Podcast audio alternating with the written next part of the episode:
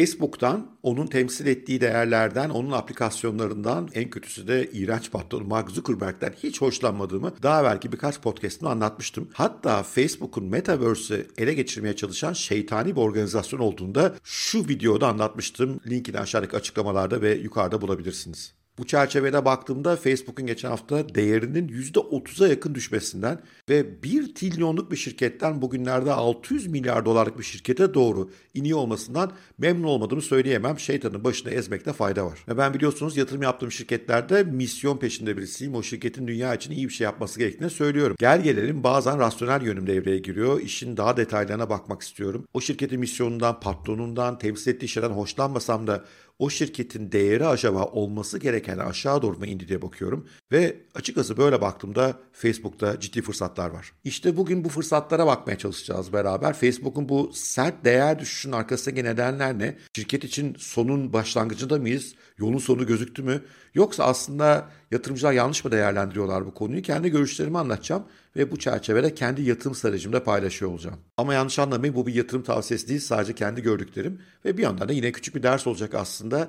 Bu tip böyle düşmekte olan değeri herkesin dışladığı bir şirkete yatırım yapmak iyi bir şey mi kötü bir şey mi neye göre değerlendirmek lazım konusunda küçük de bir eğitim vermiş olacağımı umuyorum. Bütün bu yatırım işlerinin üzerine niye duruyoruz? Finansal özgürlük elde etmek için. Finansal özgürlük elde etmenin ama tek yolu yatırım yapmak değil. Yapmanız gereken başka şeyler de var. Mesela gelirinizi artırmak gibi, mesela tasarrufu artırmak gibi. Bu konuda sevgili eşim Pınar harika bir e-rehber hazırladı. Finansal özgürlüğü nasıl elde edeceğinize dair. Üstelik ücretsiz bir e-rehber sadece sitemize üye olmanız gerekiyor.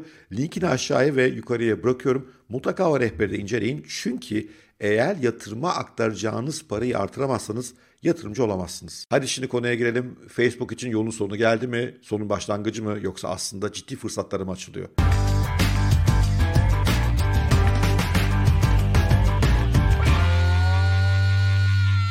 Geçtiğimiz hafta Facebook 2021 son çeyrek sonuçlarını açıklayınca kıyametler koptu. Bir gün içerisinde şirketin değeri %26 düştü. Trilyon dolarlık şirketten bahsediyoruz. Bu %26'lık düşmede kabaca 260 milyar dolarlık bir değer erimesi neden oldu. Tarihte görülmemiş büyüklükte bir rakam bu. Peki neden bu kadar sert değer düştü? Birincisi şirketin 2021 son çeyreğinde beklentilerin biraz gerisinde kaldı. Hem ciro olarak hem kar olarak. Oradan bir birkaç puanlık düşme beklenebilirdi. Ama asıl sorunun çıktığı, asıl kıyametin koptuğu yer şirketin gelecekle ilgili beklentilerin oldukça negatif olmasıydı. Şirket büyüme eğrisinde ciddi bir yavaşlama beklediğini, yeni kullanıcı kazanamadığını hatta son çeyrekte tarihinde ilk kez kullanıcı kaybı olduğunu açıkladı. Ve TikTok gibi rakiplerin bir yandan da Apple gibi güvenlik sistemi değişikliklerinin kendisine oldukça olumsuz etkilediğini ve temel işlerinde büyümede yani abone sayısı artırmakta zorlanacağını söyledi. Facebook açıklamasında aynı zamanda enflasyondan dolayı şirketlerin reklam vermekte çekingen davrandığını, bunun da yine gelirler üzerinde 2022'nin ilk çeyreğinde olumsuz sonuçları olacağını söyledi. Borsaları çıldırtan başka bir konu da Facebook'un Metaverse ile ilgili açıklamaları oldu. İlk kez 2021 son çeyrekte Reality Labs'ın yani bu Metaverse projeni geliştiren bölümün masrafları ayrı raporlandı. Sonuçlar enteresan. 2019 yılı itibariyle mesela 4,5 milyar dolar zarar etmişler burada. 500 milyon dolar ciroları varmış. 2020'de zarar 6,6 milyar dolara çıkmış. Ciro 1,14 milyar dolar.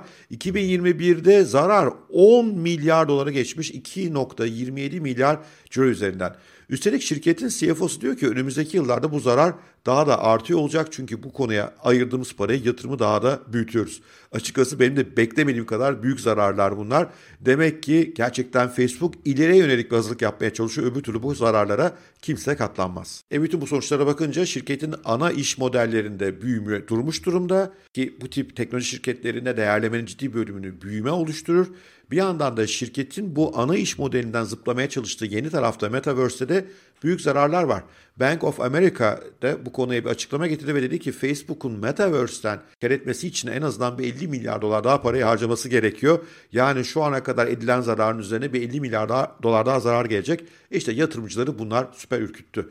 Peki yatırımcılar haklı mı? Haklı oldukları yerler var. Büyümeyen şirketi kimse sevmez. Zarar eden iş bir operasyon var. Bunlar doğru. Ama aslında şirketin karına, zararına, bilançosuna baktığımızda ve Metaverse ile ilgili gelecek beklentileri düşündüğümüzde o kadar da kötü bir durum olmayabilir ve belki de satıcılar biraz abarttılar hisse senedi satmayı. Şimdi bu çerçevede somut rakamları bir bakalım önce. Toplam gelir Facebook'un son çeyrekte, tek çeyrek cirosundan bahsediyorum 33 milyar dolar. Önceki çeyrek 29, ondan önceki çeyrek 29, ondan önceki 26. Yani nereden baksanız 120 milyar dolara yakın bir ciro var toplamda. Brüt kar son çeyrekte 27 milyar dolar, faaliyet geliri 12 milyar dolar, net kar 10 milyar dolar. Borsanın beğenmediği kar bu. Yıl toplamına baktığımızda 40 milyar dolarlık kar var gibi. Şirketin brüt marjı %80, faaliyet marjı %39, net kar marjı %33. Akıl almaz derecede kuvvetli rakamlar bunlar. Yani evet şirket büyümesini biraz kaybeden bir şirket olabilir ama mali tablolar hiç kötü değiller en azından gelir tablosundan bakınca. Bir de bilançoya göz atalım. Facebook'un bilançosu benim hayatımda gördüğüm en kuvvetli bilançolardan bir tanesi. Şirketin toplam aktifleri 165 milyar dolar son çeyrekte. Toplam yükümlülükler 41 milyar dolar yani aktiflerin yükümlülükleri karşılama oranı 4'e 1. Şirketin cari oranı 3.15. Şimdiye kadar gördüğüm en iyi oranlardan bir tanesi.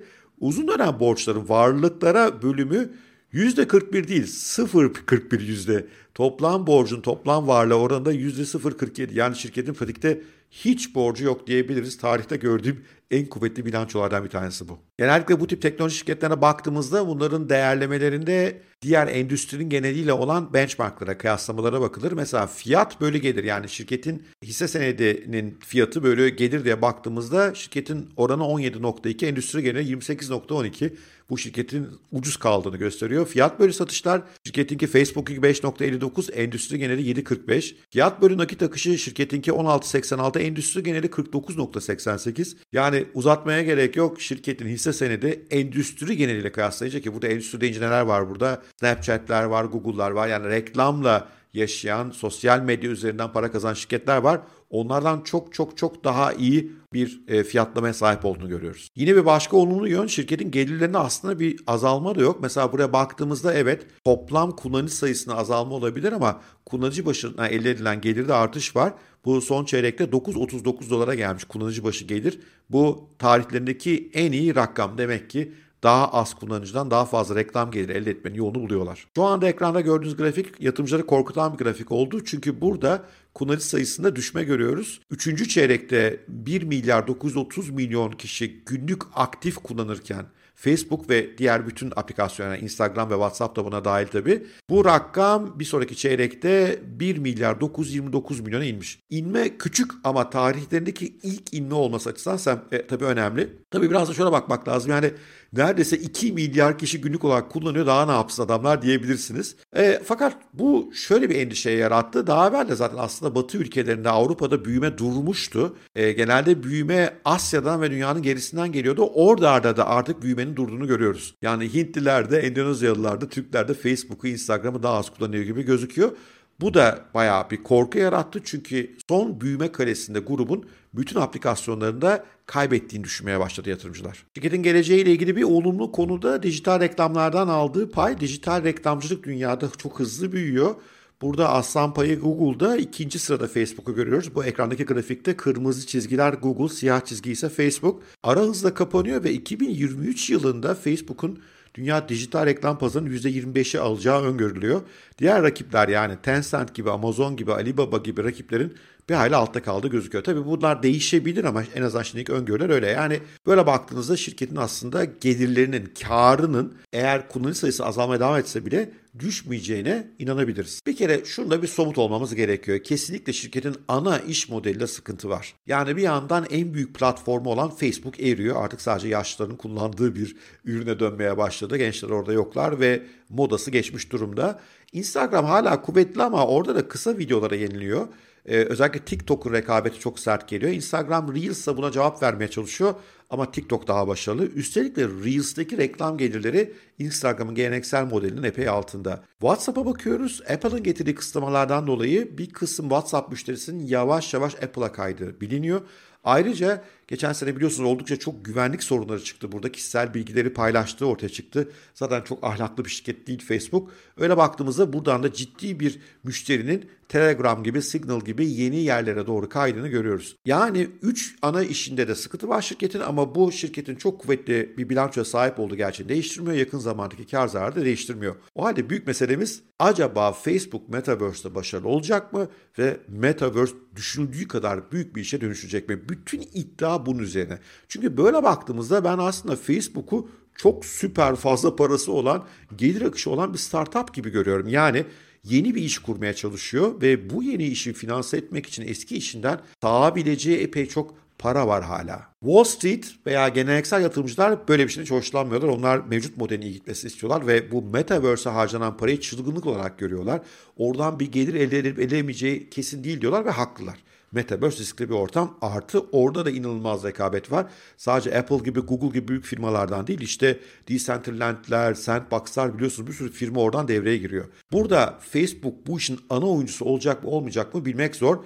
Benim inancım çok kuvvetliler çünkü bir yandan donanımları var, okulsuz gözlüklere sahipler, bir yandan en büyük dijital pazara sahipler, bir yandan 2-2,5 milyar mevcut kullanıcıyı Metaverse'e hızlıca taşımak gibi bir çözüm bulabilirler. Yani ben açıkçası bir şansları olduğunu düşünüyorum. Metaverse gelecekte büyüyecek bir işse ve Facebook grubu bu işe çok erken yola çıkmış ve bir yandan da inanılmaz parasal kaynağı olan ve gelir akışıyla diğer işlerinden gelir akışıyla buradaki zararı daha fazla daha uzun süre finanse edebilecek bir şirketse ona yatırım yapılır mı, yapılmaz mı? Soru buna geliyor aslında. Ben bir miktar yapılabileceğini düşünüyorum. Facebook'tan hoşlanmıyorum, Mark Zuckerberg'den hoşlanmıyorum ama Metaverse'ü seviyorum. Facebook'un Metaverse'ü büyüteceğine aşağı yukarı eminim ve burada küçük bir bahse girme taraftarıyım. Anlatacağım şey şu andan sonra yatırım tavsiyesi kesinlikle değil ama ben değeri bu kadar düşmüş, bu kadar iyi rasyonlara sahip bir şirketin yeni bir alana doğru hareketlenmek konusunda bu kadar kararlı davranan ve yıkılmakta olan iş modelinin yerine yenisini koymaya çalışan bir şirketin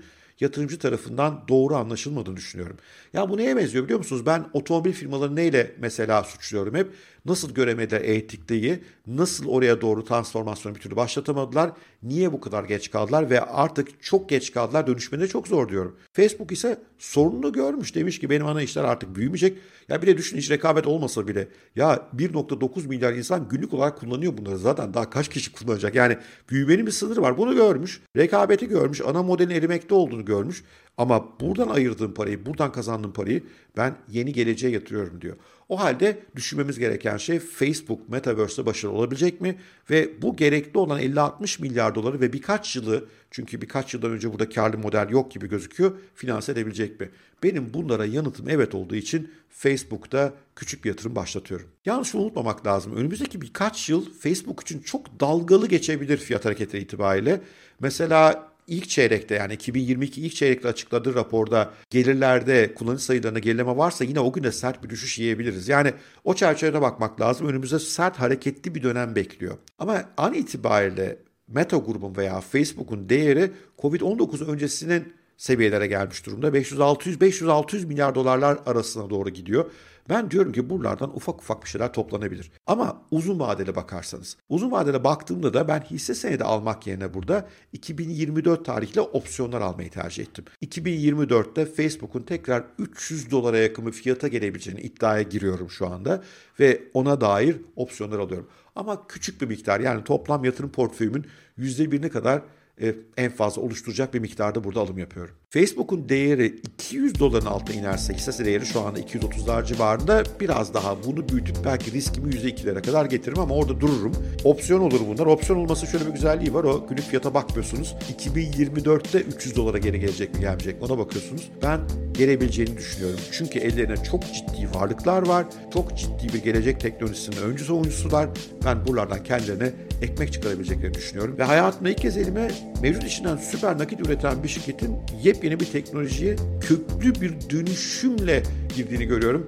Ben bunu bir yatırım fırsatı olarak algıladım açıkçası. Ama tekrar hatırlatayım, söylediklerim bir yatırım tavsiyesi değil. Benim görüşüm haksız çıkma ihtimaline gayet yüksek. Önümüzdeki dönemde Facebook'un Meta grubun değeri çok inecektir, çıkacaktır. Çok sert bir dönem bekliyor onları.